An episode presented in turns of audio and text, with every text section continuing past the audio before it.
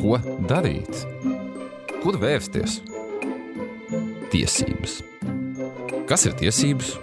Kādas ir manas tiesības? Tiesības zināt. Laipni lūgti Delfi TV raidījumā Tiesības zināt. Esmu tā vadītājs Kārlis Sarājs. Jaunība ir bezrūpības pilns laiks, kad tiek iepazīta pasaule, saprast tās noteikumi un vienkārši baudīt dzīvi. Tiesa, reizēm arī var gadīties pārkāpt kādu robežu un atvērties likumam tā sauktajā nepareizajā pusē. Nu, ko darīt, ja tās sanāca? Kādas sekas tas var atstāt uz turpmāko dzīvi, un vai šīs grēku atbalstus turpinās skanēt pēc 10, 20 vai pat 30 gadiem? Uz sarunu par šiem un citiem jautājumiem studijā esmu aicinājis zvērnātu advokātu Artūru Zvejselnieku. Sveiks! Labdien! Jā, nu, sāksim ar tādu ikdienišķu situāciju, kam nevajadzētu būt ikdienišķai, bet nu, varbūt, kad jaunietis, nezinu, 14 gadu vecumā ir aizņēmies pēdiņās, tur ģimenes draugu, draugu mašīnu un avarējis. Nu, vai 34 gadu vecumā šādi jaunības piedzīvojumi var kaut kā traucēt? Nu, ja par to būs bijusi krimināla lieta, tad uh, pilnīgi noteikti. Nu, kā tas tieši tad varētu traucēt, ja ir bijusi krimināla lieta? Nu, sāksim ar to, ka faktiski jebkura sodāmība uzreiz ir attiecībā uz vairākām profesijām praktiski aizliegums. Jebkas, kas saistīts ar tiesību aizsardzības iestādēm, tiesa, prokuratūra, policija, valsts drošības iestādes, nu, pa prezidentu nevarēs, pa deputātu var tur visus ņemt. Bet, bet, bet pielaidu valsts noslēpumam un vēl liels problēmas būs ar ieroču atļauju. Mm. Tas ir uzreiz, nu, tā, kas tur ir militāro dienestu, tur laikam nav tik traki, bet arī būs problēmas.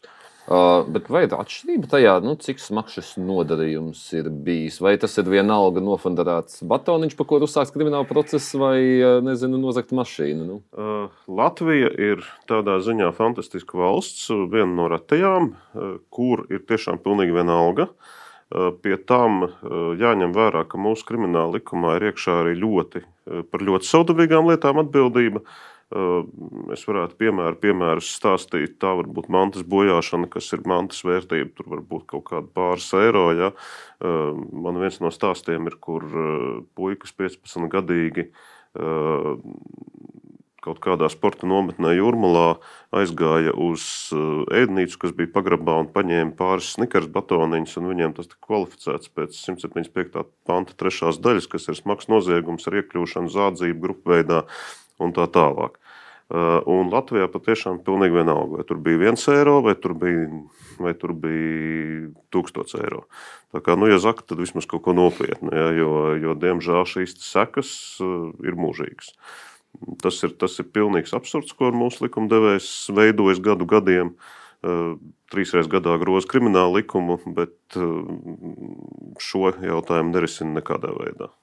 Bet vai ir atšķirība, ja tās nezinu, tie snikers batoniņi būtu nozagti 13 gadu vecumā. Nu, 13 gadu vecumā tu par ko neatbildi.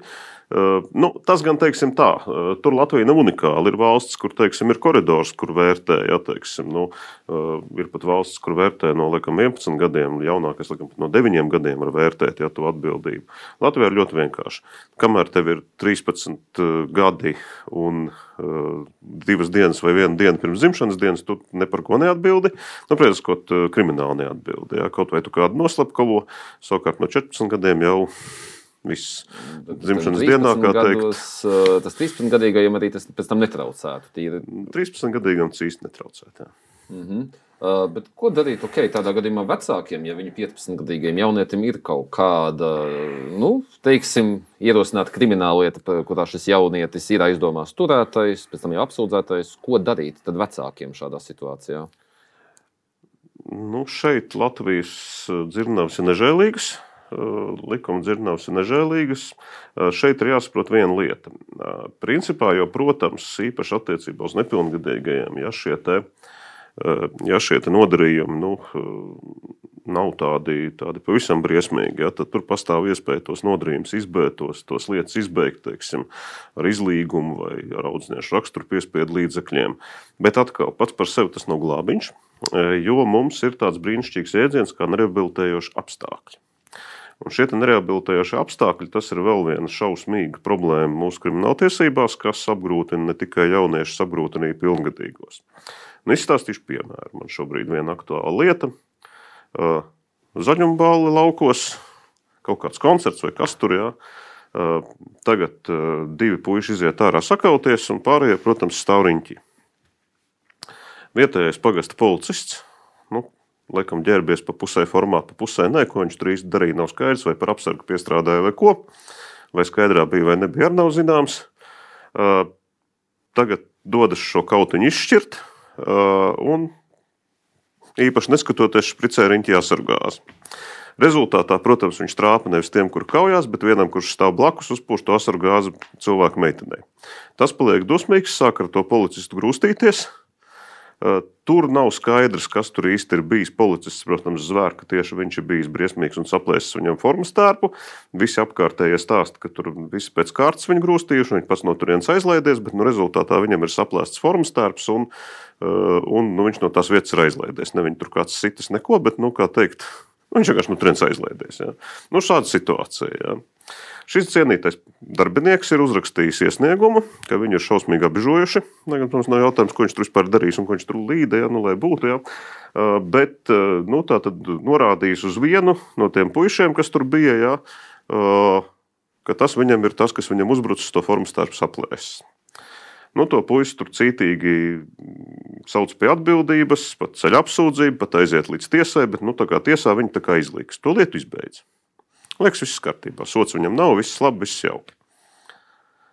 Šobrīd cilvēks ir izmācījies, eh, viņam ir iespēja ļoti labu karjeru veidot aizsardzības jomā. Viņš to Latvijā nedara, jo Latvijā viņam sakarā šo drausmīgo gadījumu visu mūžu pēc pašreizējā likuma faktiski nav izredzes saņemt pielaidu pie valsts noslēpuma. Cik gadu vecumā apmēram tas ir? Nu, kaut kāda 18, 19. Kas ir tie nereabilitējuši apstākļi vispār? Jo jūs to terminu izmantojat, bet Jā. nu, man tas ir, tas, ir, tas ir tāds ļoti saudabīgs jēdziens, manuprāt, absolūti neiedzīgs. Šobrīd arī tā skaitā es cenšos virzīt šo jautājumu uz satversmes tiesu, bet to ir salīdzinoši grūti izdarīt. Uh, jo tur atkal ir vesela procesāla šķēršļa, kā līdz tam nonākt. Tas ir vēl garāks stāsts, bet uh, nelabvēlīgie apstākļi nozīmē to, ka it kā teorētiski tu neesi tiesāts.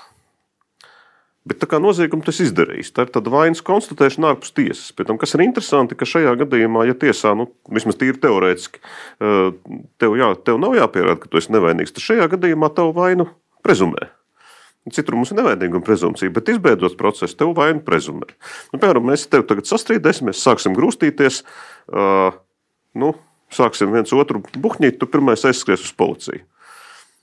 Nu, vai es pirmais aizskriešu uz policiju? Pieņemsim, es tagad pirmais aizskriešu uz policiju.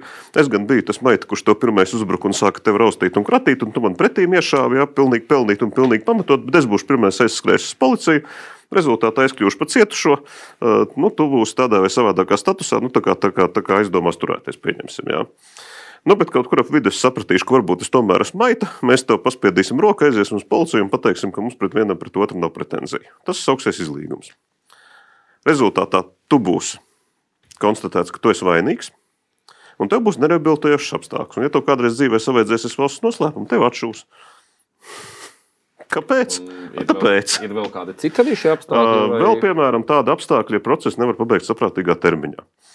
Tas man ir viens gadījums, kur man šobrīd vēl aizvien lieta turpinās. Tās ir zādzības. Šeit cilvēks izdarījis 14 gadu vecumā, tiek apsūdzēts par zādzību no veikala Garkens un Ko. 94. un 95. gads. Tā ir tā lieta, kas mēdījos jā, jā, šī lieta šī šobrīd stāv senātā. Tur es esmu pieteicis lūgumus augstākajai tiesai vērsties satversmes tiesā. Skaidrs, ka tur ir pārsniegti pilnīgi visi saprātīgie termiņi, eh, bet uh, turpinam skatīt.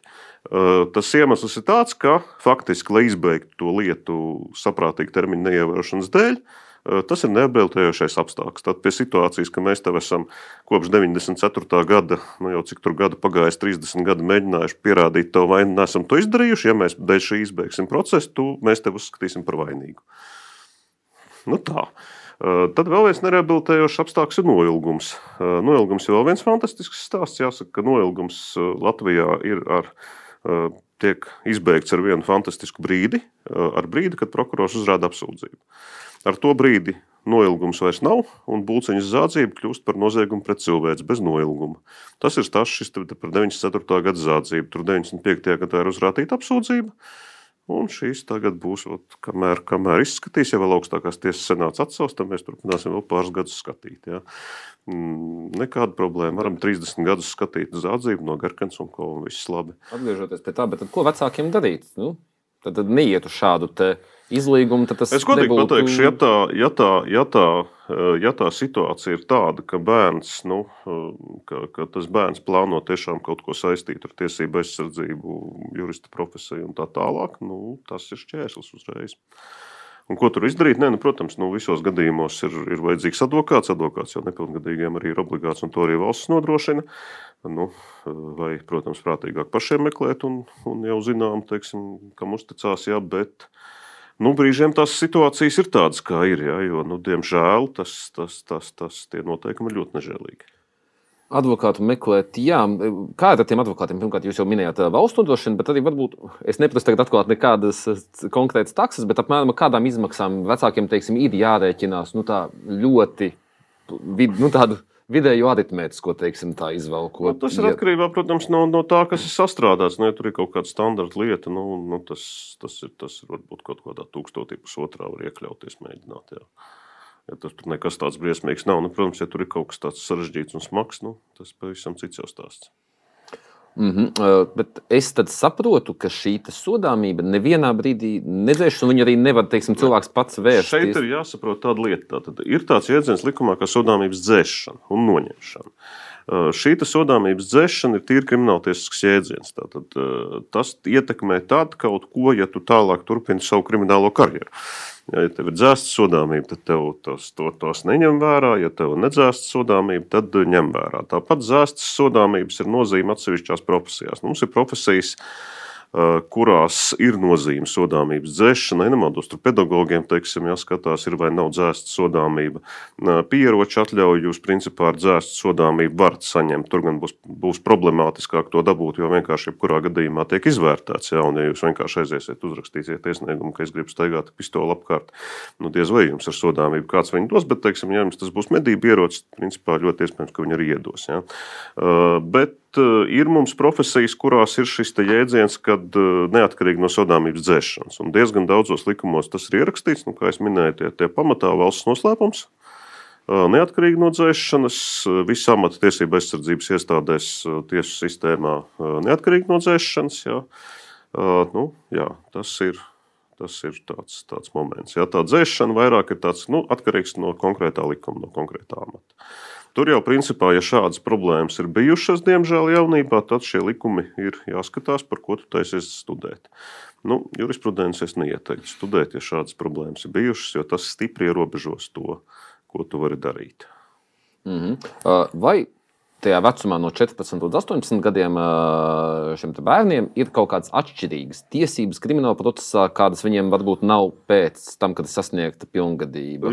Jā, tā tad ir šis process. Nu, tagad jau šobrīd mēs vairāk domājam par to, ka bērniem vispār būtu jābūt šim procesam drusku savādākam nekā pieaugušajiem. Uh, Bet, nu, it kā te bija arī nesen izmaiņas krimināla likumā, kas bija tendēts uz to, lai mainītu sodu sistēmu, kas attiecās uz bērniem. Nu, cik viņas sekmīgas, cik nē, es teiktu, ka drīzāk formāls nekā baigas sekmīgās.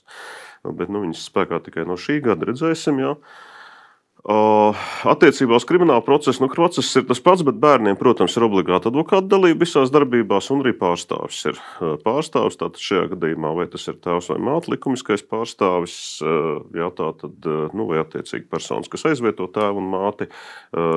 Jā, protams, izņēmuma gadījums būs, un tēvs un māte nebūs pārstāvis, tad, ja ir interešu konflikts. Jā, tā tad, nu, vai nu tēvs māte pats iesaistīts šajā nodarījumā, iespējami, jā, vai, teiksim, ja tās runas par vardarbībām ģimenē, nu, tur diez, diemžēl diezgan bieži ir tās situācijas, ka uh, šī vardarbība ģimenē ir notikusi, un tad nu, kaut vai tas tikai viens ir vardarbīgs no tās ģimenes, tad otrs, jebkurā gadījumā, būs interešu konfliktā. Nu, tad skatās vai nu kādu citu radinieku, tie var būt vecvecākie, vai vēl kāda persona, kam bērns uzticēsies, jā, vai nu, ja nu nav tādu tuvu radinieku, kas var pārstāvēt, nu, tad attiecīgi jau bāriņtiesas pārstāvs pārstāvēs. Jā.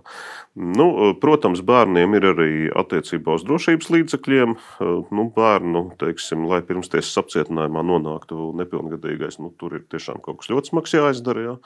Nu, protams, ja, nu, tur, ja tur ir tādi ļoti smagi noziegumi, kā slepkavības, nezinu, tur kaut kādas laupīšanas bruņotas, vai tur ir daudz skaitlīgi noziegumi, tad apcietinājums ir, bet apcietinājuma termiņi ir daudz īsāki, protams. Jā. Bet nu, par tādiem standarta lietām, kā jūs minējāt, tur kaimiņu mašīnu paņēma, jā, nu, nē, nu, par to cietumā apcietinājums faktiski bērnam nav iespējams. Nu, un, un tādas lietas. Protams, tie noteikumi ir atviegloti. Viņi tur, teiksim, tā nav radikāli atšķirās, ja, bet gan to ierobežojumu ziņā, gan tā procesa norises ziņā. Un, protams, atbilstoši krimināla procesa likuma 14. pantam, procesi, kuros ir nepilngadīgi iesaistīti, ir prioritāri nu, teiksim, termiņa ievērošanas ziņā. Nu, tātad pēc idejas. Nu, Cik nu iespējams tās, tās, tā, tā, tā lieta jāizskata ātrāk, jāiztiesa ātrāk un tā tālāk. Sodi ir vieglāki. Jā, sodi ir stipri ierobežoti. Tātad nepilngadīgajiem uh, Tā, tagad no galvas var paskatīties to likumā, ja, ja drīkst. Jā. No galvas nepateikšu, bet maksimums, ko var nepilngadīgajiem piemērot, tā, nu, tūlīt, lai nesamalotu, ir, ir desmit gada brīvības atņemšanas, jā, tā tad atkarībā no nozieguma smaguma. Pie tām nepilngadīgajiem faktiski brīvības atņemšanu piemēros tikai un vienīgi tādi, jā, tā tad nebūs, nebūs iespējams piemērot citus tātad, līdzekļus. Un savukārt par kriminālu pārkāpumu mazāk smagu noziegumu vispār nevar piemērot brīvības atņemšanu. Un maksimālais sots pat par vissmagāko, ja tā tad ir desmit gadi.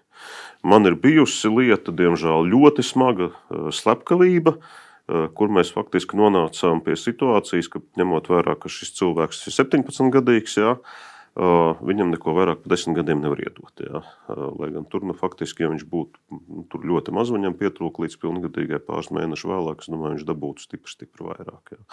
Tur mēs nonācām faktiski pie situācijas, kur ne vairāk, ne mazāk nevar iedot. Jo pants sāks no desmit gadiem. Jā. Nu, tur bija nežēlīga slepkavība ļoti. Jā. Un jā, maksimāls, ko var piespiest, ir desmit gadi. Pie tam eh, pirmstermiņa atbrīvošanas ir stipri ātrāk. Eh, nepilngadīgiem jau pēc pusi no soda to var faktiski būt pirmstermiņa atbrīvots. Pieaugušiem ir divas trešdaļas. Ja? Atkarībā no smaguma atkal. Tur ir elektronisko izraudzību.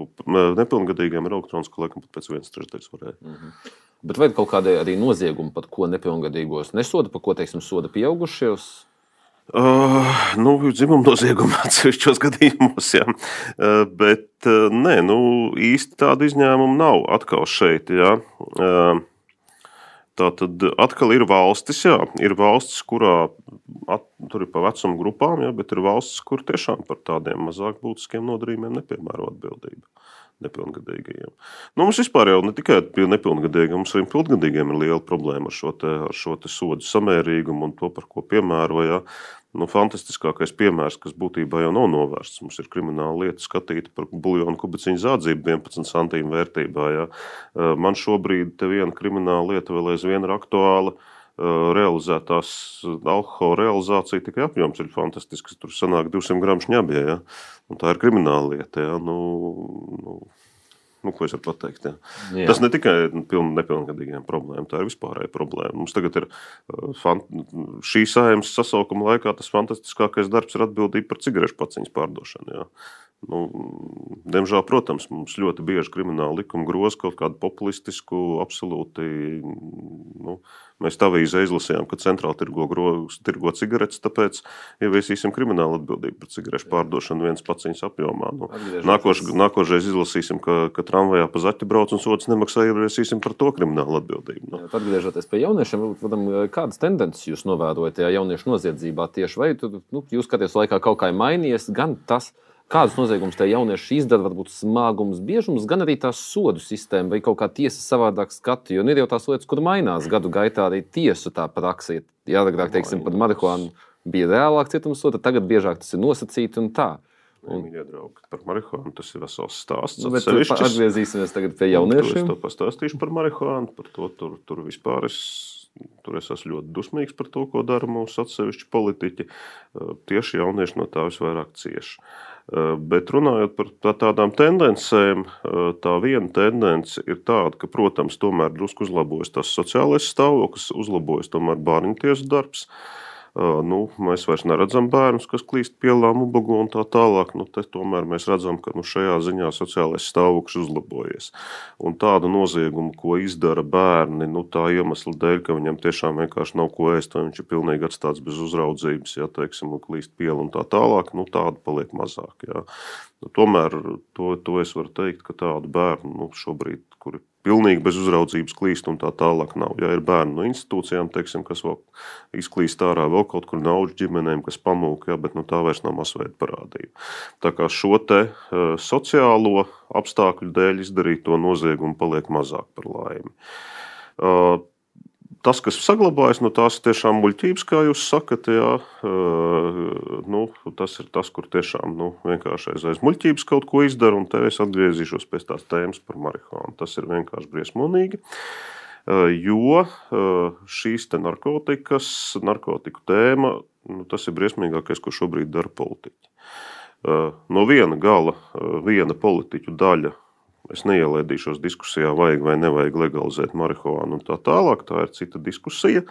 Bet, ja jūs šo diskusiju, un tā skaitā atsevišķos gadījumos pat no cilvēkiem, kas piestrādā par ministriem, šādas skaņas iznāk, jā, tad nākamajā dienā šie paši cilvēki, kas tur spriedzelē par to, kā legalizēt marihuānu, nobalso par sodu pastiprināšanu. Un līdz ar to šeit gan mēs nonākam pie situācijas, ka tas jaunietis, nu, piedod man 15, 16, arī 18, 19 gadu vecumā, ja tu neko daudz nezini, neko daudz nesaproti. Tu tur klausies, ka marihuāna tūlīt tās legalizēs, bla, bla, bla. Kā jūs man te tikko sakat, jā, vai tu te man tikko saki tagad, jā ka nu, marihuāna tas nekas un tā tālāk. Es, es nav ja. tikai to, ka tiesu praksē var vērot, ka nē, tieši otrādāk, tieši otrādāk, neko tur nevar vērot. Tieši otrādāk, sodi par narkotiskajām vielām šobrīd ir pastiprināti. Pie tām, pie pantiem, kur jums ir lielais apmērs vai nedod Dievs kaut kādu realizāciju, pat nevar dabūt nosacīto. Pastiprinās tieši reāls brīvības atņemšanas, un nu, tur brīžiem tās situācijas ļoti nežēlīgas. Jā. Man šobrīd ir viena krimināla lieta, kur ir godīgi sakot, tā situācija traģiska. Tur ir, laikam, cik tam puikam 18 gadi. Jā. Nu, Teorētiski pilngadīgs, bet nu, cik tā prāta ir, tas ir cits jautājums. Jā, protams, pats ir lietojis marihuānu, kā teikt, nu, marihuāna, ha, ha, ha. Jā. Tā pašā laikā viens cits, tur var acīm redzēt, ka tas ir cilvēks, kāds bijis jau ar pieredzi, kuru policija acīm redzot ir aizturējusi, un piestrādājis par aģentu, ir vienkārši viņam piezvanījis un pierunājis pārdot 150 gramus marihuānas. Tam cilvēkam minimālais sots, ko viņš var dabūt, ir 5 gadu cietumā. Tas ir minimālais, ko viņš dabūs. Jā. Un viss, un punkts. Un, un, un šādas situācijas, diemžēl, tiem arī mēdz būt bērni no tiešām labām, sakarīgām ģimenēm. Pie tam te pat nav runa par kaut kādām baigām kompānijām. Te ir runa tieši par to, ka uh, mūsu mīļotie politiķi Vakarā pa televizoru stāsta, kā vajadzētu legalizēt marihuānu. Nākamajā dienā sājumā spiež pogas, kuras paši diez vai saprastām, ko viņi tur spiež. Ja? Jo, diemžēl, krimināla likuma mums 90% ja ne vairāk deputātu spējas pogas vispār nesaprotot, par ko viņi tur balsoja. Brīžiem arī man šķiet, ka tie, kas saprot, ne līdz galam saprot, ko viņi tur sarakstīja. Un, ja mēs runājam tieši par narkotikām, tad ir vairāk panti, kur faktiski šobrīd, ja tu esi pārdevis drusku lielāku apjomu nekā nekā ir lielais apmērs, tad tev ir krimināla atbildība. Pie tam ir vēl viens. Cik bieži tas jaunieši skata šādus? Ļoti bieži. Tāpēc, ka cilvēki klausās par to, ka marihuānu tūlīt legalizēs un vienkārši absolūti neko nesaprotot, sāk mm. viņu lietot, viens otram pārdot. Un tā tālāk. Vēl viens absurds, kas ir, starp citu, zināja, ka, ja tu paņem, ja tu nopērci pusgramu marihuānas, kas ir administratīvi sodīts, sajauc viņu ar tabaku, un izgatavo divas cigaretes, un tev kopā ar tabaku viņas vairs divus gramus, tā jau būs krimināla sodām. Un tev ņems vērā visu svaru kopā ar tabaku. Tā kā pīpēt marihuānu, pīpēt tīru. Sajauksiet ar tabaku, viņas neskapēc paliek vairāk pēc mūsu likuma. Jā. Smieklīgi, bet tā ir. Nu, nesmieklīgi, nesmieklīgi. Tās ir šīs sodāmības, kuras, kuras cilvēki dabū. Jā. Noslēgumā es vienmēr uzdodu vienu jautājumu, un tas ir, varbūt varat iedot vienu, divus tos zelta padomus skatītājiem, kas tieši nu, par šo jautājumu, pat jauniešu kriminālu atbildību vecākiem un varbūt pat jauniešiem. Nu, kaut kādus to vienu, divus zelta padomus kā tādu rezumē. Zelta padoms, protams, ir domāta galva pirmkārt. Jā, domāt ar galvu, ko tu dari un kāpēc tu to dari. Un, ja ir sajūta, ka to nevajadzētu darīt, tad to nevajag darīt. Ir jāsaprot, ka jebkādos apstākļos zakt, bojāt mantu un darboties ar narkotikām vielām ir nu, bezcerīgi. Un otrs variants, nu, jā, nezinu, vai tādu padomu var dot. Bet, nu, ja reiz tomēr sanāk nonākt policijā, pirmkārt, darīt visu, lai tur nenonāktu. Nu, tā skaitā, ka tas ir ļoti labi apavi. Ar viņiem vajag skriet. Bet uh, otrām kārtām, uh, ja reize nonākts policijā, tomēr sagaidīt advokātu, sagaidīt māmu, tēti, advokātu un tad sāk domāt, ko tur runā. Un nedod Dievs sāk kaut ko stāstīt pirms tam. Tur būs ļoti dziļi. Un pēc tam tu no turienes neizlīdīsi. Skaidrs, uz šīs nots arī beigšu mūsu sarunu. Teikšu paldies mūsu viesim, advokātam Arturam Zvejselniekam. Un ar jums, skatītāji, tiksimies jau pēc divām nedēļām. Un atcerieties, jums ir tiesības zināt savas tiesības.